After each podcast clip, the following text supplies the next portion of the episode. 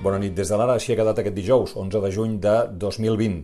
Ha mort Rosa Maria Sardà. La Sardà, una actriuassa, una professional de l'escena, complia l'escenari i la pantalla amb la seva presència i la seva dedicació professional i amb la seva personalitat temperamental. Ha mort als 78 anys a conseqüència d'un càncer. Havia nascut a Barcelona el 30 de juliol de 1941 i en la seva última aparició televisiva, en una entrevista al programa de Jordi Évole, ja va donar a entendre que no se'n sortia. Va dir, jo no lluito contra el càncer eh, perquè no s'hi lluita, és invencible.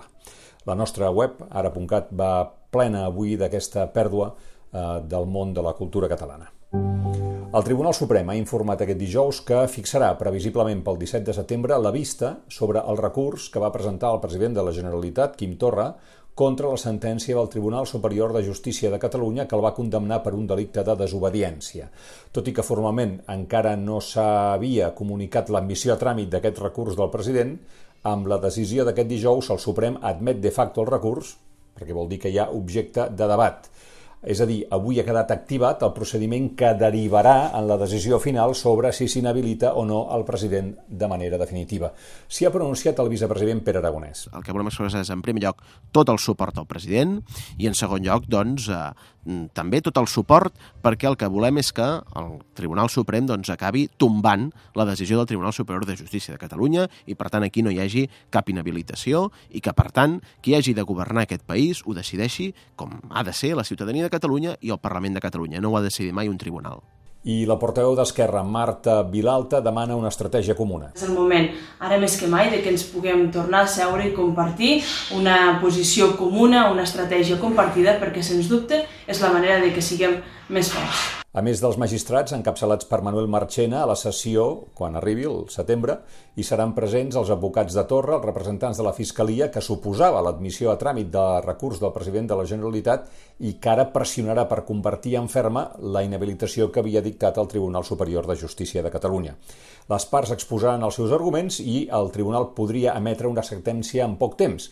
Si la sentència rebutja el recurs del president, la sentència del TSJ quedarà ratificada Torra quedaria inhabilitat, malgrat que li quedaria la possibilitat de presentar un nou recurs davant el Tribunal Constitucional. A mitja tarda el president Torra, per cert, encara no havia rebut cap eh, notificació del Suprem.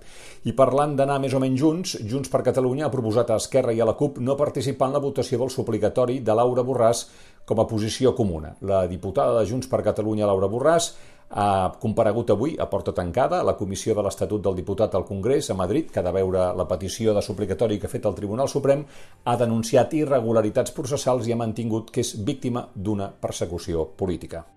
Després de tres dies seguits consecutius sense cap mort notificat per coronavirus a Espanya, la sèrie continua congelada a les 27.136 defuncions, el Ministeri de Sanitat ha informat que els positius nous detectats a les últimes 24 hores són 156, menys que ahir dimecres 167. Són les xifres que hi ha. A Catalunya el nombre de morts per coronavirus ha augmentat aquest dijous en 11. La xifra total arriba a 12.434 defuncions amb Covid-19 o com a casos sospitosos registrades per les funeràries des del començament de la pandèmia. El sector sanitari català exigeix reformes urgents al sistema i 5.000 milions d'euros en 3 anys. Metges, infermeres, gestors, metgesses i infermers, gestors i gestores sanitàries alerten d'una rebel·lió de bates blanques si no s'atenen les demandes.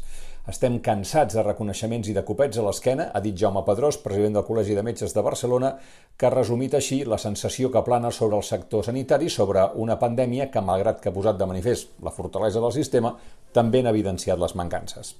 L'epidèmia de la Covid el que ha posat és, ha descarnat, ha posat en evidència que aquesta cantarella de, de discurs benestant no es pot mantenir ni un minut més. Eh, nosaltres estem en una situació de molta fragilitat. El sistema sanitari està amb molta fragilitat fa molt temps. Una dada que ens podíem imaginar, el producte interior brut de Catalunya ha registrat una caiguda del 4,2% al primer trimestre d'aquest any en relació al primer trimestre de l'any anterior. Són dades publicades aquest dijous per l'Institut d'Estadística de Catalunya. I el mapa del temps. El mapa del temps de demà, Miquel Bernís tornarà a portar pluges? Aquesta nit hi haurà algunes tempestes puntualment fortes en comarques del nord i de l'oest, però de matinada els ruixats aniran desapareixent. El cap de setmana farà més sol i tornarà la calor d'estiu que ja vam tenir el mes de maig. Fins aquí les claus del vespre, gràcies per seguir-nos, ens retrobarem demà a les claus del dia, ara bona nit i que descansin.